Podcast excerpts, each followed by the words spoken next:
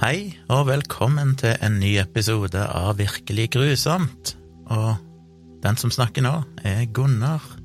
Og med meg så har jeg Tone, Tone. er du som eh, innleder i dag, Gunnar? Til en forandring, ja. Fordi i dag så skal du ha den eh, slitsomme jobben med å fortelle en historie som du har researcha, og som jeg ikke vet noen ting om. Vet ikke hvilken historie du skal fortelle, eller noen ting nødvendig, eller selvfølgelig om han. Så jeg er spent. Men du sa jo for noen dager siden at oi, shit, nå vet jeg hva, hva jeg har lyst til å snakke om. Ja. Så du har tydeligvis eh, tenkt på dette. Ja. Men før vi går på historien, så vil jeg jo takke til de som så på livestreamen vår forrige uke. Det var jo i anledning jubileumsepisoden vår, 50, der vi kåra topp ti episoder, og jeg er nysgjerrig på hva som ble den mest lika episoden, så må du sjekke ut forrige episode av podkasten, eller stikke innom min YouTube-kanal, som heter Tvilsomt med Tjomli, eller Facebook-sida til podkasten, som heter Virkelig grusomt, for der ligger videoen å oppdage, så du kan sjekke det ut. Eh, Så det betyr at vi er på episode 51 Mm. nå. Og har vi noe mer å si? Vi har en mailadresse som er virkeliggrusomt at gmail.com. Der er dere alltid velkommen til å sende inn tips om historier eller tilbakemeldinger på historier dere har hørt. Og det har rast inn med tips etter vi hadde den jubileumsepisoden. Det var en virkelig sånn Ja. Kom det jo fem-seks på én dag, plutselig. Ja. Så det er jo kult. Vi har mye i innboksen som kan brukes framover. Har du brukt en av de denne uka, Tone? Dette her er litt, eh, litt sånn gøy, i hvert fall kanskje for, eh, for Moss, for, Moss, for, for, for, meg eller oss. Eh, for i, ja, jeg har for så vidt eh, Vi har fått tips om denne saken her i innboksen. Men denne saken her, min venn, det er litt artig, fordi denne hendelsen her skulle egentlig være aller første episode av denne podkasten. Da skulle jeg snakke om denne saken her. Vi spilte det inn, men det gikk rett og slett ikke bra. Jeg bare kåla til hele greia. Ah, Så vi sletta opptaket igjen, og så ble det aldri noe av akkurat den, og så gjorde vi det på en annen måte. Så, nå, så nå skal jeg prøve igjen. Dette her blir liksom min eh, take two. min andre tagning. Um, men også har jeg lagt merke til at um, dette er jo en altså jo, En av grunnene til at vi også uh, gikk litt bort fra den saken her etterpå, var jo at det er en forholdsvis kjent sak. Mm. Vi skal jo da i dag snakke om hendelsen i Dyatlov-passasjen. Og eh, men det, jeg, det som gjorde at jeg ombestemte meg litt og tenkte at jo, jeg tror jeg skal ta den her likevel, det er at jeg tror eh, veldig mange har hørt om hendelsen, men jeg er ikke sikker på om eh, alle vet at eh, det er stort sett akseptert at eh, dette ikke er et mysterium lenger, for de har faktisk kommet fram til en slags løsning på dette her mysteriet.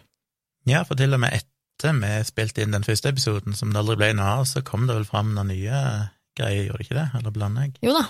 Ja, Eh, sånn at eh, derfor så med, med Fresh det, of the press. ja, med det, og i tillegg til at folk har nevnt den som tips i innboksen, så, så tenkte jeg at jo, jaggu skal vi ikke prøve å ta denne her en gang til. Mm. For det, det, det er jo en interessant historie. Apropos det, hvis det skulle skje med noen av historiene vi har fortalt tidligere, plutselig dere leser at eh, en eller annen sak, eh, det er kommet ny informasjon om et eller annet, så send for all del det på mail til dere. Det er jo veldig kult å kunne gjøre en oppfølger på sånne historier. Ja, det er det. Ikke det at de fleste historiene våre er jo sånn sett oppklarte, men det er jo en og annen der det har vært litt sånn mystiske greier, og vi vet ikke. Ja, og ettersom lytterne våre liker de historiene veldig godt, så burde vi kanskje ha flere sånne mysterier. På Fremover. evig jakt, jeg er på evig jakt. Ja. Jeg finner de. Og jeg har fått noen tips angående akkurat det i innboksen, med sånne mystiske historier. Ja, det er bra. Så det skal jeg se nærmere på neste gang. Det er min tur å fortelle. Og øh, jeg skal som sagt gjøre mitt beste nå på å fortelle denne historien om Dyatlov-passasjen.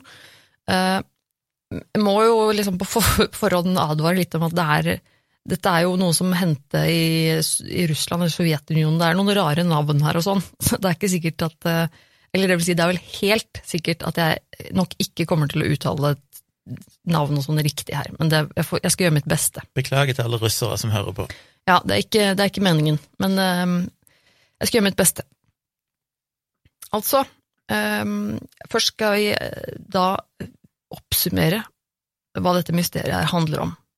For dette her er jo, for de som ikke har hørt om uh, Djatlov-passasjen og hendelsen der før, så var det en uh, turvant gruppe fra Urals polyteknisk institutt under ledelse av Igor Djatlov.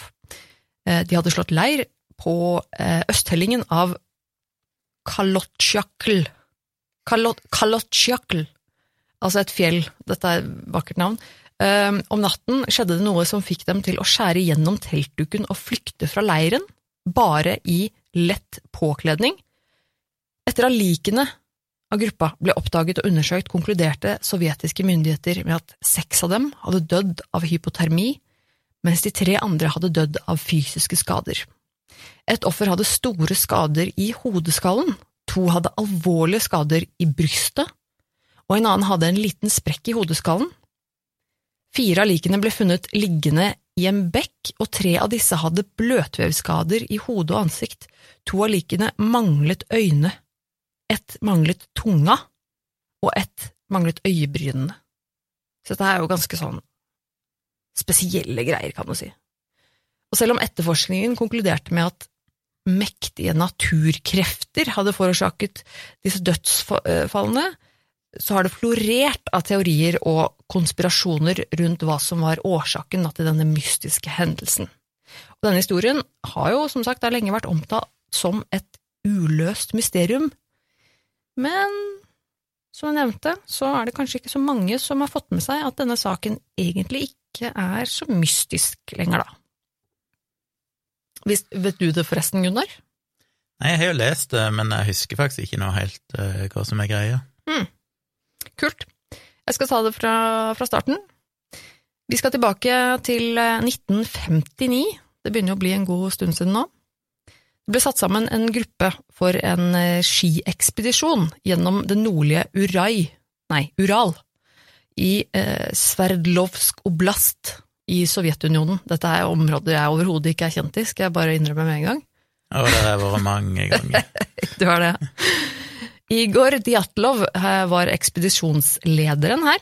Han var en 23 år gammel radioingeniørstudent ved det som da het Ural Polytekniske Institutt. Men het han Djatlov? Ja, han passet heter Djatlov? Han heter Igor Djatlov. Passasjen heter òg det? Ja, jeg skal, kan komme tilbake til det etter hvert. Hvis du... Jeg er spent på om han tilfeldigvis bare heter det samme, eller om det ble oppkalt etter han senere. Nei, det ble oppkalt etter han, altså. Ja. Eh, men han het da, ja, eh, Igor Djatlov. Eh, han satte sammen gruppen med da ni andre til turen, og de fleste av dem var medstudenter ved universitetet. Så disse var ganske unge mennesker, de var i begynnelsen av 20-åra som regel, alle disse. Og alle medlemmene av gruppen de besto av åtte menn og to kvinner, og de var veldig erfarne utendørsfolk. Eh, de hadde en sovjetisk sertifisering som klasse 2-turgåere med erfaring fra skiekspedisjoner, og de ville da ha mottatt sertifisering for klasse 3 da de var ferdig med denne turen. Så dette er altså professional turgåere. Beklager at jeg avbryter, og du har sikkert sagt det, men jeg har allerede glemt det. Hvilket år er vi i nå? Vi er i 1959. Ja, det var så seint, ja. Okay. Eh, men dette er eh, tydeligvis eh, profesjonelle turgåere på nivå to og snart tre. Det er tydeligvis en greie. Ikke at jeg tror det har så mye å si, men Jeg er ekstremt uprofesjonell turgåer. Ja, det, jeg prøver å unngå å gå tur. Ja, jeg også. Men det er jo også da en sertifisering og klassegreier da, som de holdt på med på denne, turen, på, på denne tiden, da. Og på, på, den tiden her var klasse 3 den høyeste tilgjengelige tursertifiseringen i Sovjetunionen. Og for å oppnå denne graden så måtte da disse kandidatene gå 300 km. Uh, og denne ruten da som de skulle gå uh, den, på denne turen her, uh, ble utformet av Djatlov-gruppen. De da ville gå nordlige delen av Sverdlovsk oblast og langt eh, oppstrøms omkring eh, Losa-elven og sånne greier. Og målet da med denne ekspedisjonen var å nå et fjell som het Otorten. Ja, Otorten. Jeg vet ikke hvor dette fjellet er heller, men, men ja, det var målet. En februartur langs denne ruta her eh, talte altså da som en kategori tre-rute, og det var den vanskeligste tiden å gå den også, dette tidspunktet her, altså i februar. Eh, det her er jo snakk om eh, i Sovjetunionen eh, og eh, midt ute i ødemarken og i februar, veldig, veldig kaldt og veldig dårlig vær, mye snø og så videre, så dette her var jo en, en utfordrende tur. 23. januar 1959 fikk Djatlov-gruppen tildelt da sin rutebok av Sverdlovsk bys komité, og hadde da gitt godkjenning for elleve personer. Eh, og den ellevte personen var Semjon Zolotarjov, som hadde tilsvarende erfaring. da. Det som jeg syns er litt rart, som jeg ikke helt skjønte, det er at ifølge det som står her, eh, ble jo eh, ekspedisjonen godkjent for elleve mennesker, men det var bare ti som dro. Mm. Uh, og jeg finner ikke egentlig noe ordentlig svar på hva som er greia med det, men det var i hvert fall ti stykker som, som dro, da.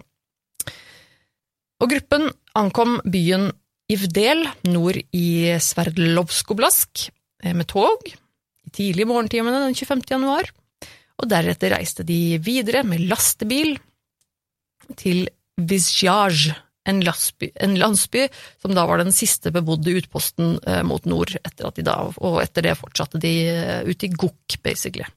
Men det var en, en lang tur. Det var eh, visst eh, tog, og det var eh, lastebil, og det var hest og slede og ski, og det var ikke måte på, så det, de er langt ute i ødemarken her. De tilbrakte altså natten i denne lille landsbyen Visjaj. De kjøpte og spiste brød for å holde energinivået oppe før turen, som da skulle starte neste dag. Så den 27. januar så la de ut på denne turen da, mot uh, Gora Ortorten. det startet uh, tilsynelatende bra, de hadde godt mot osv.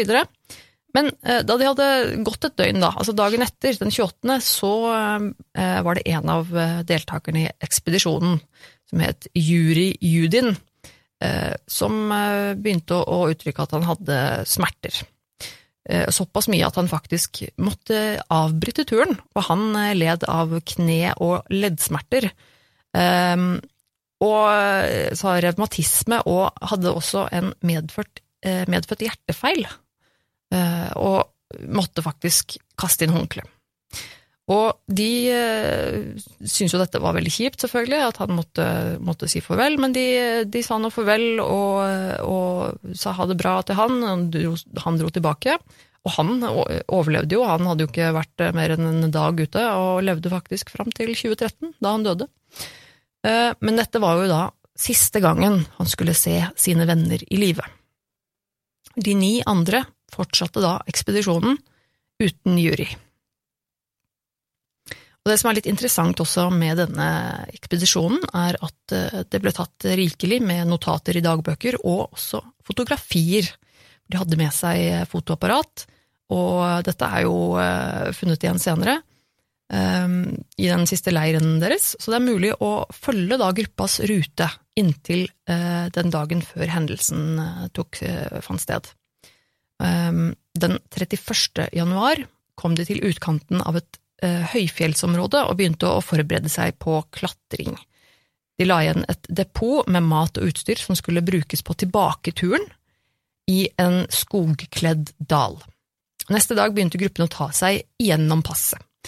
Det virket som de planla å komme gjennom passet og slå leir på motsatt side den kvelden, men fordi været her ble bare verre og verre, altså de hadde, det var snøstorm, det var veldig redusert sikt, det var kjempe, kjempekaldt, så viser det seg at de faktisk gikk i feil retning, så de gikk mye lenger vest enn det de hadde planlagt. Uh, så dette her er jo selvfølgelig ikke helt uh, bra, så de, de mister litt uh, retningen, men går mot toppen av dette, dette fjellet som heter Kolatsjøkl. og da de innså at ok, nå, nå har vi driti oss ut, vi har gått feil, så bestemmer de seg for å slå leir i denne fjellskråningen eh, for natten, heller da enn å flytte seg 1,5 km ned eh, lia til et skogområde som ville hatt, gitt dem ly for vær og vind. Og det er litt, eh, litt usikkert hvorfor de valgte da å, å slå leir akkurat der, i denne skråningen på fjellet. Eh, spekulert i litt om kanskje de da, rett og slett siden de hadde gått en del høydemeter, at de ikke ville gi opp de høydemeterne liksom, ved å gå ned igjen tilbake. Eh, eventuelt om de ville øve seg på overnatting i fjellet, kunne også være en greie. At de så det som en som en utfordring at, eh, at, dette her, nå skal vi prøve å eh, overnatte her, selv om det ikke var helt ideelt, på en måte, for det var jo ikke noe lyd der. Eller så kan det hende at de rett og slett ikke så at det var uh, ikke så langt unna dette uh, skogholtet, da, på grunn av dårlig vær, så kanskje de rett og slett ikke, ikke hadde, så det. Men de slo i hvert fall da leir i denne skråningen da, på fjellet. Og før uh, han reiste, hadde Djatlov sagt at han skulle sende et telegram til idrettsklubben sin hjemme så snart gruppa kom tilbake til denne landsbyen som het Visjaj, der hvor de startet, altså. Og det var forventet at dette skulle skje innen 12. februar. Men Djatlov hadde sagt til Judin, han som forlot gruppa altså, at han regnet med at det, det kom til å ta litt lengre tid. Den tolvte kom og gikk, uten at noen melding hadde blitt mottatt, eh, men det kom ingen umiddelbar reaksjon da, for forsinkelser på et par dager var ganske vanlig på slike ekspedisjoner. Men det går flere dager, og den 20. februar er de fremdeles ikke hørt noen ting fra gruppa. Og da begynner folk å bli litt bekymra spesielt da familiemedlemmene til disse turgåerne. Og den 20. februar altså, så krevde da turgåernes familier eh, aksjon. De krevde en redningsaksjon, og eh, instituttlederen sendte de første letemannskapene.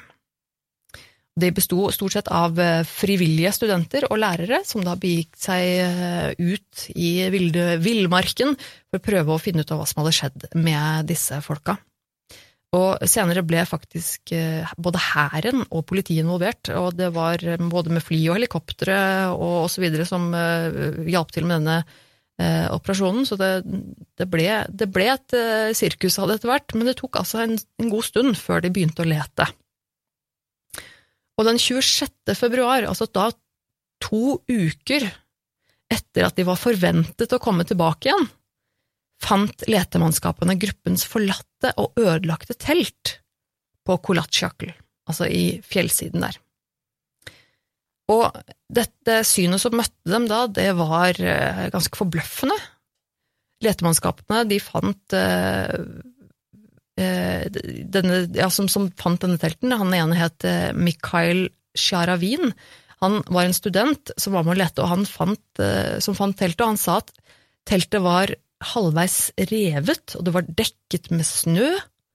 Eh, det var tomt for folk, men alle gruppens eiendeler og sko hadde blitt etterlatt i teltet.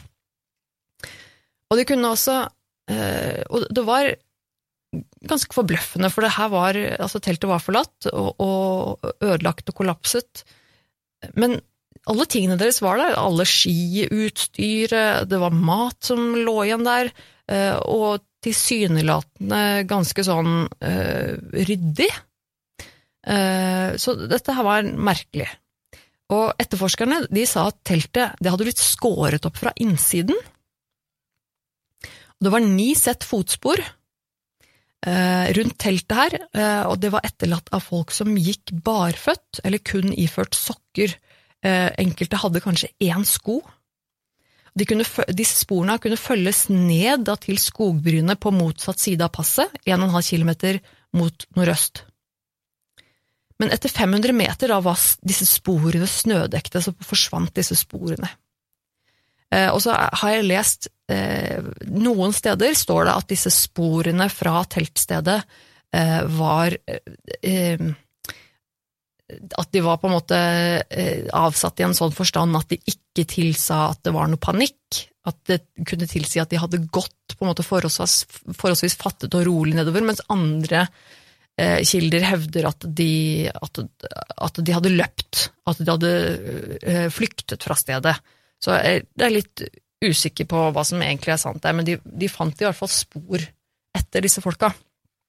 Um, og dette er jo også lenge siden det har skjedd, og, så, videre, så det er jo vanskelig nå i etterkant å vite hva som, uh, hva som er sant og ikke, når det er så lenge siden dette skjedde. I dette skogbrynet, under en stor sibirfuru, fant letemannskapene etter hvert restene av et lite bål.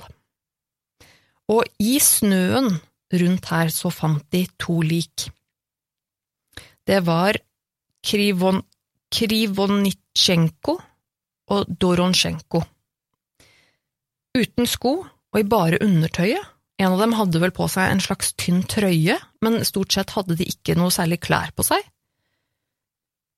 Eh, og greinene på dette treet eh, var, var brukket, altså det var, det var mange, mange, skader i liksom greinene på treet opp, opp til opptil fem meter, som kan tyde på at ekspedisjonsdeltakerne hadde klatret opp i dette treet. Kanskje de hadde prøvd å se seg om etter noe, altså få utsikt, muligens? Eh, hadde de prøvd å rømme fra noe som var på bakken? Eh, kanskje de hadde rett og slett bare høstet greiner til bålet, det kan også hende. Dette vet vi jo ikke sikkert, men vi vet i hvert fall at de har vært klatret da, i, i dette her treet. Um, Mellom furua og leiren, så denne ødelagte teltleiren, falt letemannskapene tre lik til i snøen, etter mye leting. Og det var likene til Djatlov, Kolmor, Kolmogorova unnskyld, og Slobodin. De hadde dødd i positurer som tydet på at de hadde prøvd å vende tilbake til teltet. Så de ble altså funnet i en retning som da tilsa at disse her må jo ha prøvd å gå tilbake inn til teltet. De har altså vært Eh, ved dette bålet, og muligens da prøvde å komme seg tilbake igjen. Eh, og disse likene da ble funnet henholdsvis 300 meter, 480 meter og 630 meter fra dette her treet. Så nesten som om de da på en måte hadde, hadde dødd én og én på veien bortover mot tilbake til teltet. Men det var jo flere ekspedisjonsdeltakere her som de ennå ikke hadde funnet som de ikke visste hvor var, og det skulle ta faktisk eh, mer enn to måneder til med leting før de skulle finne de resterende fire ekspedisjonsmedlemmene. Og dette eh, var nok fordi at på dette tidspunktet begynte snøen å smelte litt, det begynte å gå mot vår. Og da, eh, den 4. mai, under fire meter snø, Eh, i en slags, eh, da, en slags elv eller en bekk som fløt under snøen. 75 meter unna den der furua. Der fant de de fire siste. Og tre av de fire var da eh, bedre kledd enn de andre, så det var tegn til at noen av plaggene til de som var døde først, da hadde blitt tatt av de andre, muligens. Dubinina hadde på seg Kirjovsjenskos brente, opprevne bukser, eh, og den venstre foten og leggen hennes var omviklet eh, med en omrevet, eh, opprevet jakke. Tre av turgåerene hadde dødbringende skader. Thibaut Brinol hadde alvorlig skade i hodeskallen, og Dubninia og Zolojarov hadde brudd i i brystet, altså bruddskader i brystet. Og ifølge Boris Sozorjendeni, den rettsmedisinske eksperten som utførte obduksjonen her, så måtte kreftene som skulle til for å forårsake de skadene, vært veldig store. Og han sammenlignet dem med, eh, med en bilulykke. Altså, altså, det var jo ikke det som hadde skjedd, men det så sånn ut på skadene at det her kunne det like godt vært en, en bilulykke. Og, eh, det ble særlig bemerket at ingen av likene hadde noe særlig ytre skader eh, forbundet med disse benbruddene. Eh, så det virket litt som om de hadde da dødd av et form for trykk, at de hadde blitt utsatt for et, et trykk, da. Alle disse fire likene ble funnet i vannet i bekken. Eh, de hadde alle slags bløtvevskader i, i hode og ansikt. Eh, og Dubninia manglet for eksempel da Hun manglet tungen, og øynene, altså øyehulene hennes, var tomme. De var rett og slett borte. Eh, hun manglet også en del av leppene. Eh, og hun hadde altså mangler av generelt liksom ansiktsvev og et kraniebenfragment som manglet Altså hun hadde et, et, et hull i kraniet, på en måte. da.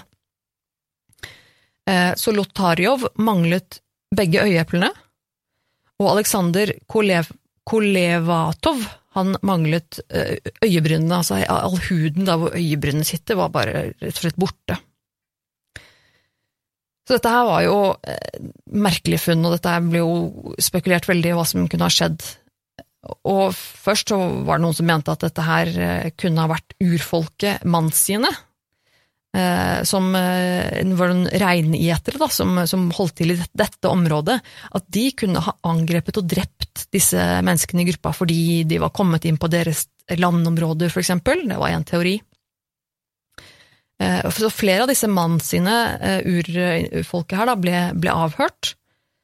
De kom ikke noe videre med det, og etterforskningen viste at måten turgåerne døde på, heller ikke egentlig ga støtte til denne hypotesen. Og det ble kun funnet fotspor som de antok at var fra turgåerne, og noe kunne også tyde her, denne kilden også tydet på at det ikke var noe slåsskamp på dette stedet. Eh, så de i hvert fall slo fra seg den teorien. Eh, selv om temperaturen var svært lav, altså det var rundt eh, minus 25 til minus 30 grader celsius, og det blåste storm, så var de døde bare delvis påkledd. Noen hadde bare én sko, mens andre var kun iført sokker. Noen ble funnet pakket inn i tøystykker, revet av plagg som så ut til å ha kommet fra de som allerede var døde. Eh, journalister som eh, rapporterte unnskyld, eh, fra de tidlige delene av etterforskningsdokumentene da, som de hadde fått, eh, fått, fatt i, de hevdet at eh, det sto eh, seks av gruppens medlemmer døde av nedkjøling og tre av dødelige skader. Det var in ingen indikasjoner på at det var andre mennesker enn de ni ekspedisjonsmedlemmene i nærheten. Teltet det hadde blitt revet opp fra innsiden. Ofrene hadde dødd seks til åtte timer etter at de spiste sitt siste måltid. Spor fra leiren viste at medlemmene av gruppen forlot leiren for egen maskin, altså til fots. Det ene offerets klær avga noe radioaktiv stråling.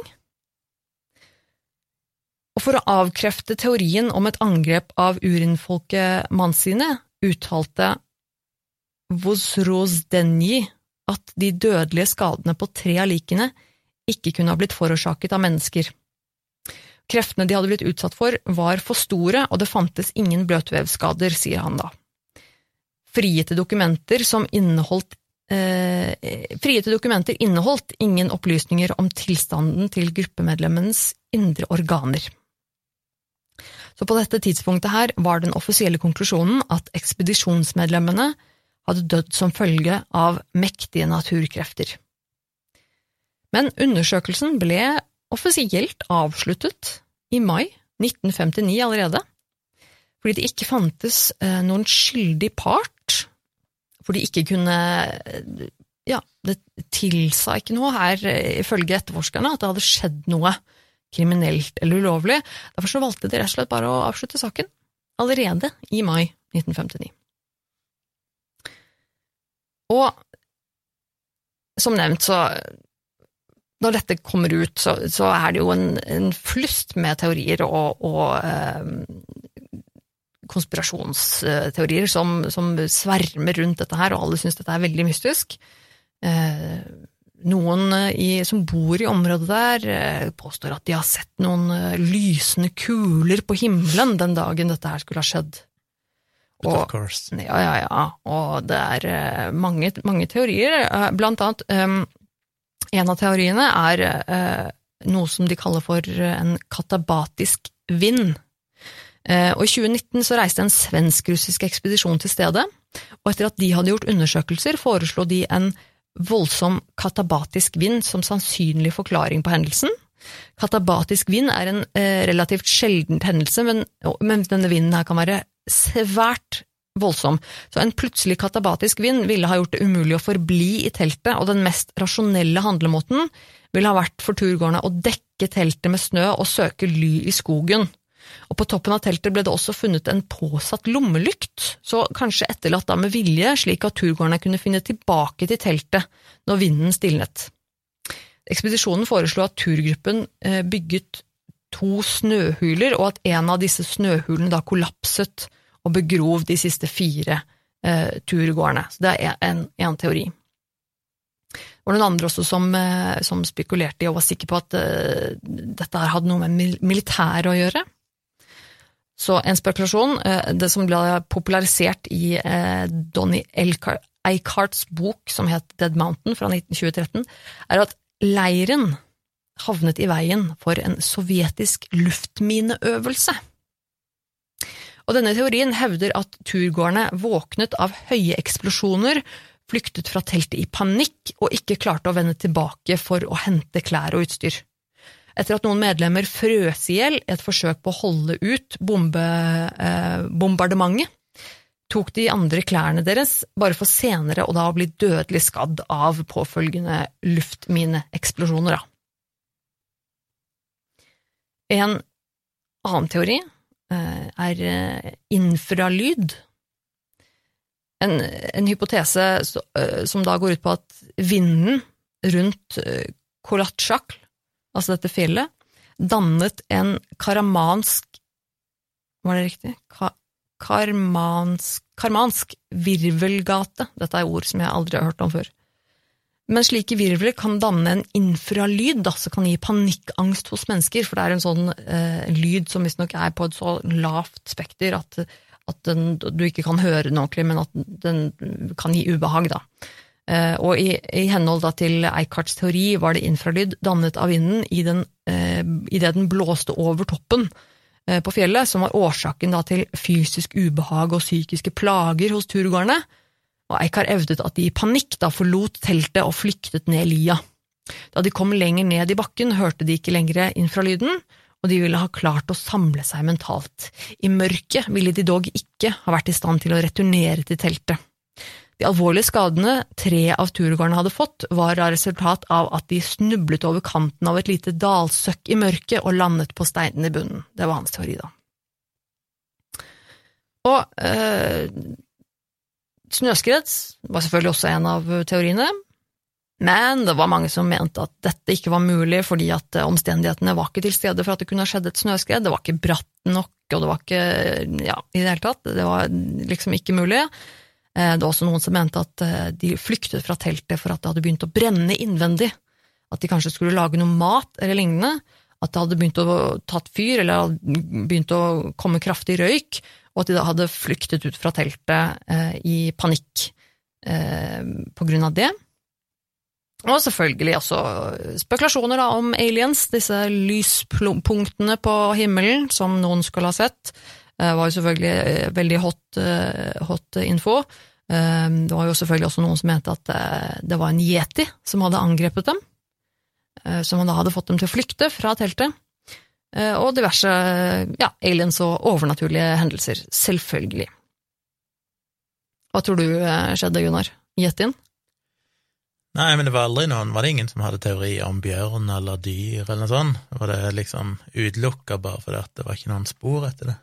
Ja, jeg tror det var det som som, eh, som, gjorde at folk ikke tenkte nødvendigvis det med det første, fordi at det var ikke De mener vel at, at hvis det hadde vært en bjørn, for eksempel, så hadde de kunnet se på en måte spor av det i leiren, at det var uh, rotet opp, og at det var angrep Altså tegn på angrep, på da.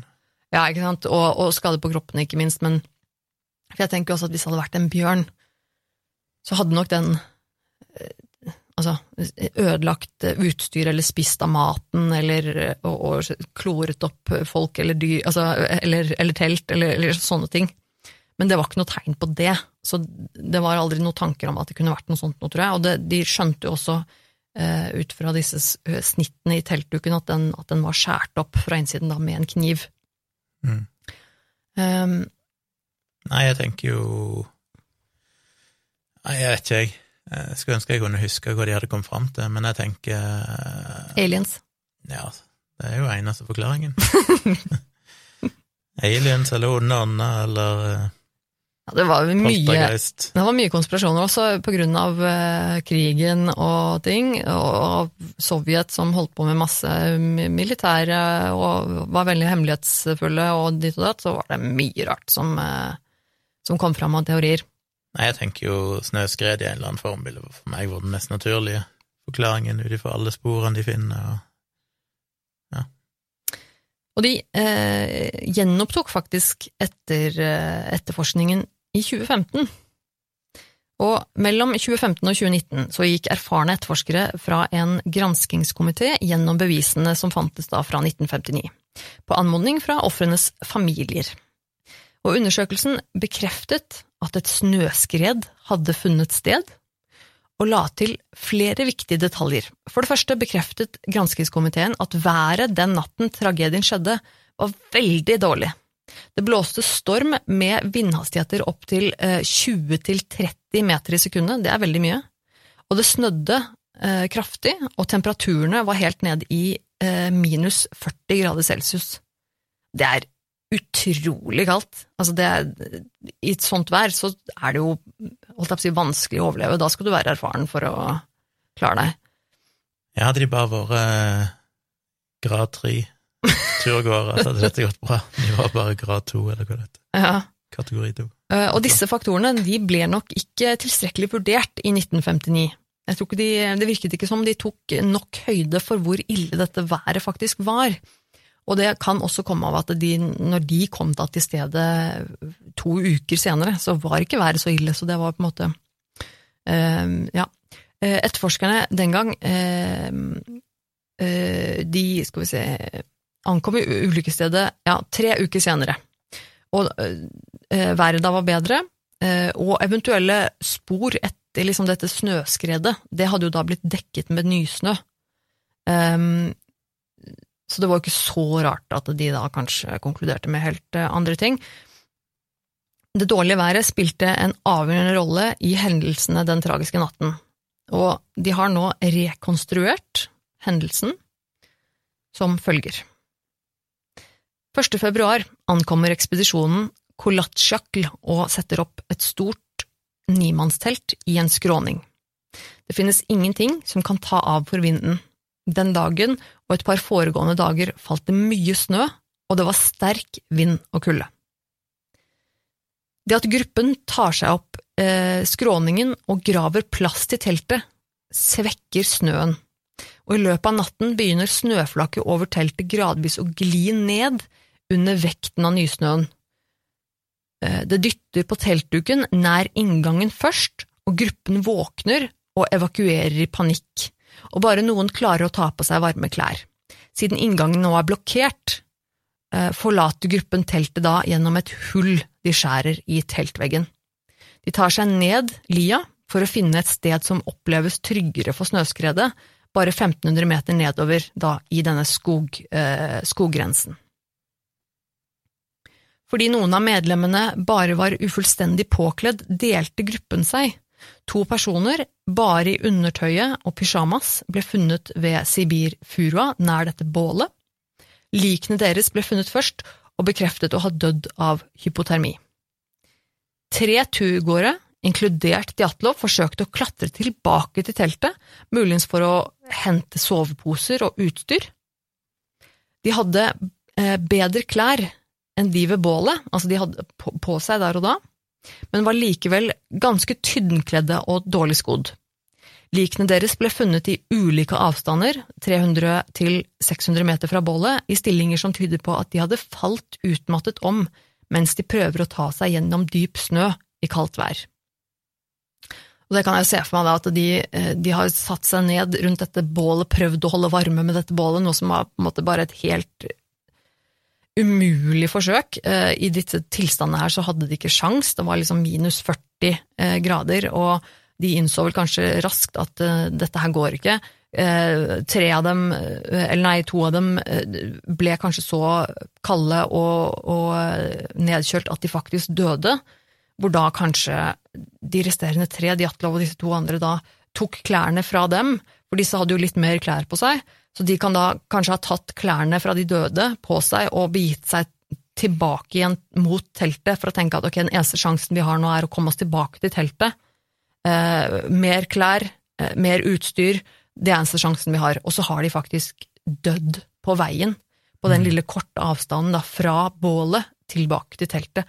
Altså, det er, og det er ganske uff, ja.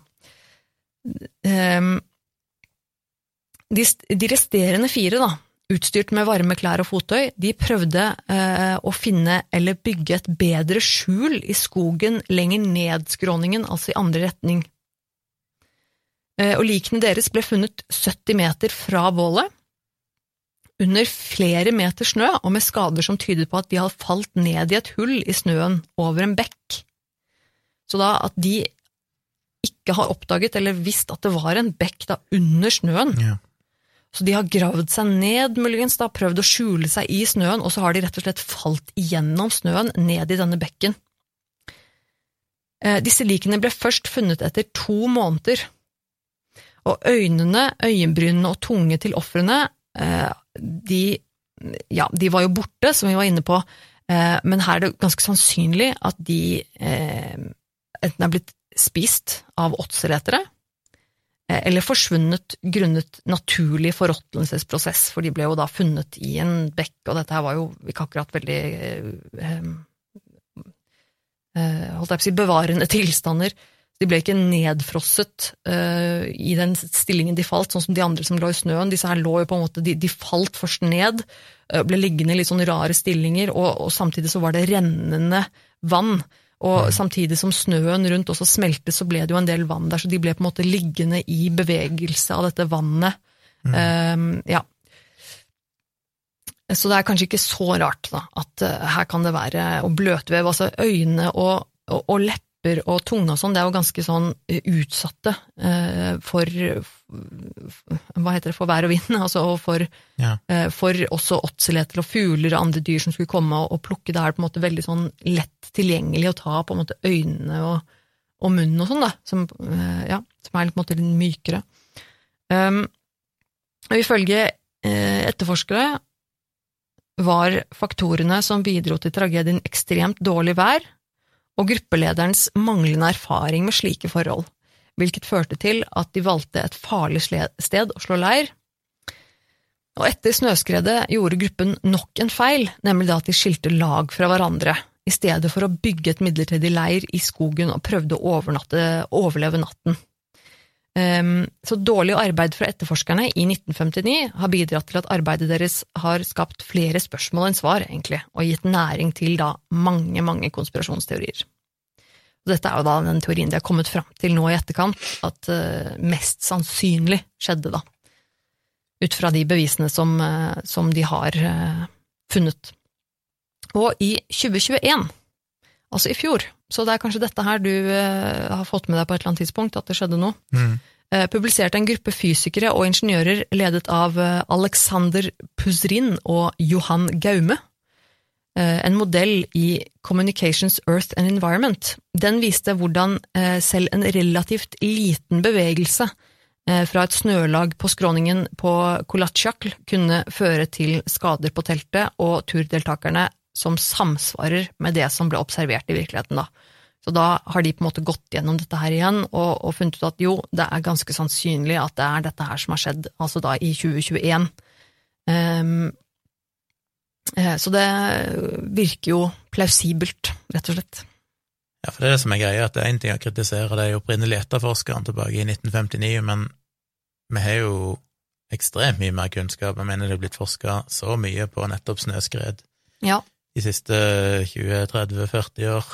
Ja. Så jeg tipper jo at det må spille inn, selvfølgelig, det med hvor lite som skal til. Vi vet jo, jeg mener, dette er jo ting de tester hele tida, eh, da du ser hvordan de forsker nettopp på hvordan bevegelsen til snø og hvor lite som skal til for å utløse et lag som ligger oppå et annet, og det, det, er jo noen sånne egne fysiske prinsipper i spill her, mm. der ting blir nesten sånn, hva heter det, friksjonsfritt, sånn helt uten at du sånn intuitivt skulle tro at jeg kan. Ja, og det er, det er veldig mye mer komplisert, det greiene der, enn man kanskje umiddelbart tror. Og det er noe med det, for at det, snø er ikke bare snø, ikke sant? for det kommer helt an på temperaturene. Det kommer helt an på øh, Altså, det, vi vet jo det selv, at måte, det kan komme snø, og så kan temperaturen endre seg, og så vil den snøen kanskje smelte litt og bli ganske tjukk og tung og veldig hard, og så kan det komme ny snø oppå der igjen, som endrer forholdene på toppen i forhold til mm. det som ligger under. Altså, det, er, det er utrolig komplisert, altså, men også, også eh, er dette da på en fjellside eh, som eh, har noe å si ikke sant, for fysikken her, på hvordan tyngden legger seg i forhold til snø osv. Så, så og, og snø også kan jo bli utrolig hardt eh, i de rette omstendighetene, så kan jo det bli eh, så kan jo de Snø kan jo bli på en måte helt solide blokker. Is kalles det. Ja, men altså som fortsatt ser ut som snø, da, ikke sant. Eh, og det er jo ikke rart at hvis det da kommer kjørende nedover i bevegelse, så er jo det ganske mye krefter. Nei, jeg må si jeg syns det mest fascinerende med den historien er jo på én måte hvor lite fascinerende han er. ja. At det er en så banal hendelse, egentlig. Det er sånn, ja, de, var, de ble utsatt for snøskred i fjellet eh, i ekstremt dårlige værforhold, og så har det liksom i Mulig det er 40-60 år siden, mm. Så har det blitt skrevet så mye om dette, og det er mm. liksom fremstilt som et sånn utrolig mysterium. Mm. Og det er ja, så mange teorier, og folk har fortsatt ikke glemt det, selv om folk har dødd i snøskred utallige ganger opp gjennom historien som ingen vet om eller har hørt om, men akkurat den saken der, mm. av en eller annen grunn, ble liksom mystisk. Og det er kanskje litt fordi at det fantes noen bilder, og du har liksom En gang du har noen sånne konkrete ting, mm. så er det jo så Jeg lurer litt på de historiske omstendighetene, jeg vet ikke om du har fått med deg noe om det, men når ble egentlig det Eh, en populær historie, for ofte med sånne historier så har det faktisk, nå vet jeg om det gjelder her, men veldig ofte med den type historier, så var det ingen som brydde seg i kanskje 30-40 år, men så er det en eller annen som plutselig skriver en avisartikkel om det, eller noe sånt på 80-tallet, og så kom internett, og så begynte plutselig folk å spekulere på internett, og så det er flere sånne kjente historier der eh, alt fra sånn som Roswell og sånn, aliens og sånn, som ofte gikk lang tid før noen brydde seg, men i mm. dag så tenker vi at å, dette var et mysterium siden det skjedde, eller folk har spekulert i det, men så egentlig er det ikke det. Det er litt sånn tilfeldig, det. En eller annen journalist som plutselig skriver om det, og så tar det fyr på nytt og sånn. Mm. Jeg skulle gjerne likt å visst det, om dette virkelig har vært noe som er har bare dukket opp i relativt ny tid, de siste 20 årene, eller sånt, eller om det har vært Nei, for, for pågående hele tida? Ja, altså, det inntrykket jeg har fått, da, nå skal ikke jeg si noe veldig sikkert, men det er i hvert fall det inntrykket jeg har fått, er jo at dette har, dette har jo på en måte vært en, en holdt jeg på å si, slags vandrehistorie siden det skjedde, også fordi at øh, øh, Nå skal jeg bare sjekke det Oi, det var mye notater, gitt. Fordi det var jo eh, en av disse her som overlevde, som, eh, som eh, snudde. Og han eh, visste jo på en måte godt om dette her, og sikkert har fortalt historien. Eh, og ikke minst det som også Og jeg, jeg, tror, jeg tror at det her var en sånn greie som de som måtte ha vært et, eh, et slags mysterie i området der ganske lenge. Altså at det er blitt en sånn, eh, en sånn legende og et mysterium sant, som de har snakket om der, og det var jo også mange som hevdet at eh, at det var noe med aliens, for de hadde sett disse der liksom lysene på, på himmelen og de greiene der, ikke sant, eh, som var mange som var veldig opptatt av. Eh, men, jeg tror nok kanskje Jeg vet ikke. Jeg, tenker jo Sovjetunionen var jo ikke akkurat uh, kjent for å være veldig åpen om uh, hva de drev med.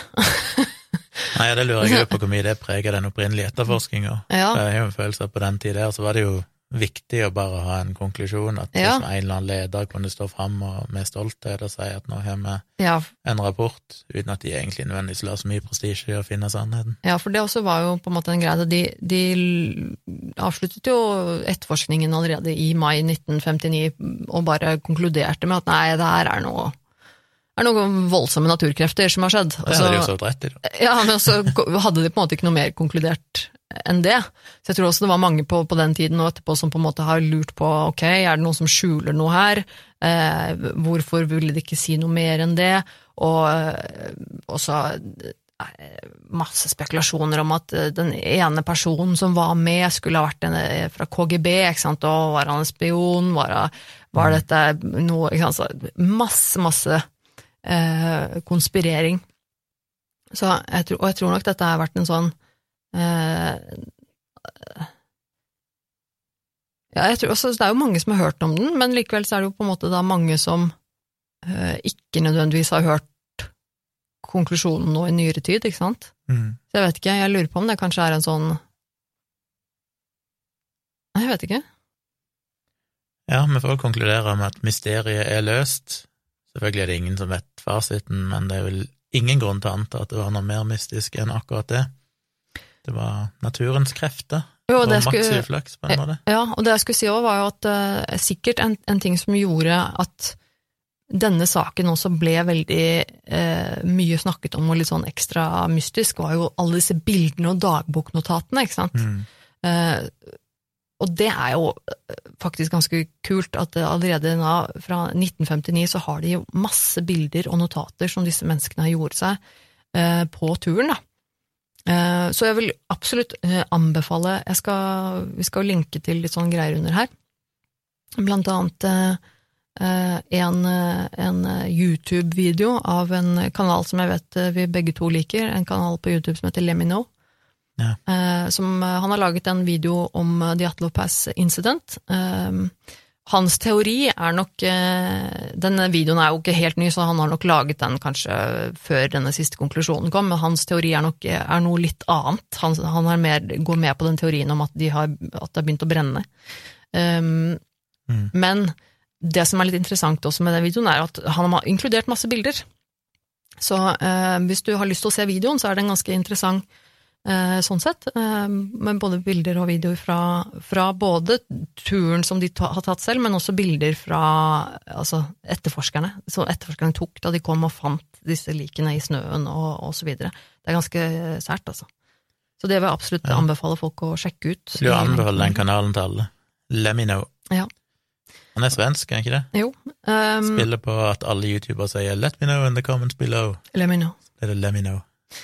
Eh, men eh, apropos, sånn siden du nevnte det, litt fun fact, da. Fordi at eh, et, jeg har skrevet, da, siden, siden du spurte om det i stad, et fjellpass i området har senere fått navnet Djatlov-passet, til minne om gruppen. Mm. På mange språk kalles nå hendelsen hendelsen i Djatlov-passet, til tross for at hendelsen inntraff omtrent 1700 meter unna på østhellingen av eh, Klatsjakl. Eh, så Og så er det også et, et, et, eh, minnesmerke om gruppen da, som er satt opp der i ettertid. Men så det er, det er jo litt sånn fun fact at det er faktisk eh, det stredet der, som det passet, er blitt eh, oppkalt etter Djatlov, men det var faktisk ikke der de døde. Eh, men, eh, men ja. Måtte jeg googla fort her i Google Maps og bare se hvor ligger det hen, men det lå oh, ja. faktisk eh, ja, litt lenger øst enn det jeg av en eller annen merkelig grunn trodde, men ellers litt sånn, ja. Mm. Mm, der. Så ja. Sjekk det ut, folkens. Det er interessant når du søker det opp i Google, så er autocomplete den ganske fort, eller kommer opp sånn Ja. Diatlov Pass, Ja. tydeligvis ikke den første som er Google. Nei, nei, nei.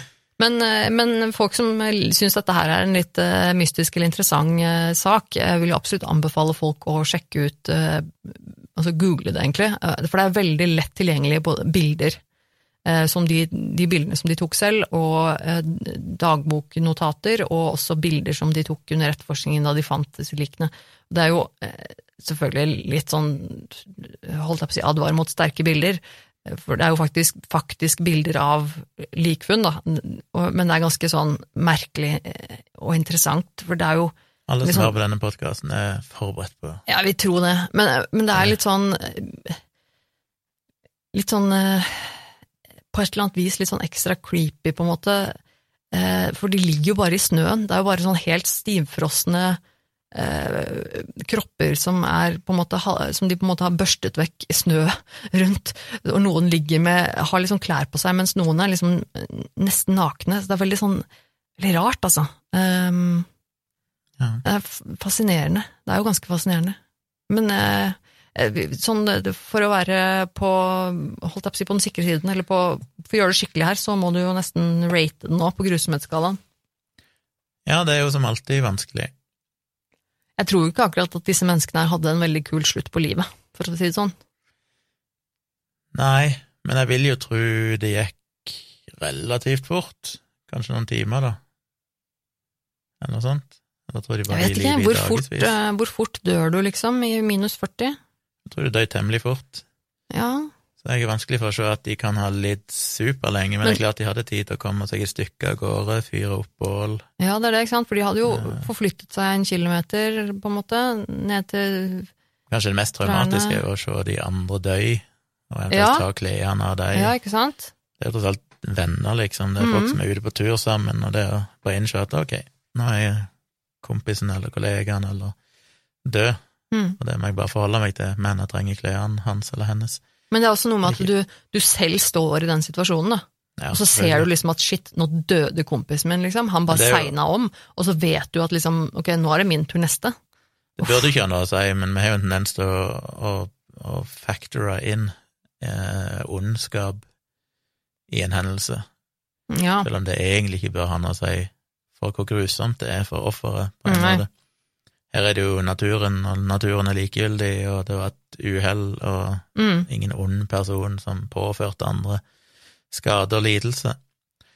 Så sånn sett føler jeg det trekker litt ned. Det er jo mange som dør, ni, ni personer. Mm. Jeg tror de Selvfølgelig er det kjipt å fryse og til slutt dø av det. Jeg syns det kjipeste er for de fire siste som på en måte hadde klart seg. Sannsynligvis hadde de vel strøket med av kullet, de òg, uansett. Ja, Men det er liksom sånn maks uflaks at de holder seg iallfall igjen og fyrer opp et bål, og så boom, så bare raser de gjennom snøen til en underjordisk tunnel. Ja, til den, den bekken, ja. Ja, Ja. det er liksom kjedelig oppi det hele. Ja. Så eh, ikke noe trivelig. Men Nei, Jeg som er en frysepinn og hater å fryse, eh, og du er jo blitt torturert du enn å måtte fryse i er jo- minus eh, Å, fy fader, det her er noe av det verste jeg kan tenke meg. eller i pluss ti grader. Å dø på den måten der, det her er jo helt grusomt. Ja, men jeg, jeg vil, uten at jeg vet det, så vil jeg jo anta at selv om det selvfølgelig er jækla kjipt før du dør, så er selve døden i seg selv må kanskje være en behagelig måte å dø på. Tror du det? jeg tror du sovner inn på en måte at du bare mister bevisstheten ganske Men tenk deg så vondt det gjør når du begynner å fryse så mye at du, at du Jo, har for frostbite, hva det ganske heter. Og, tidlig.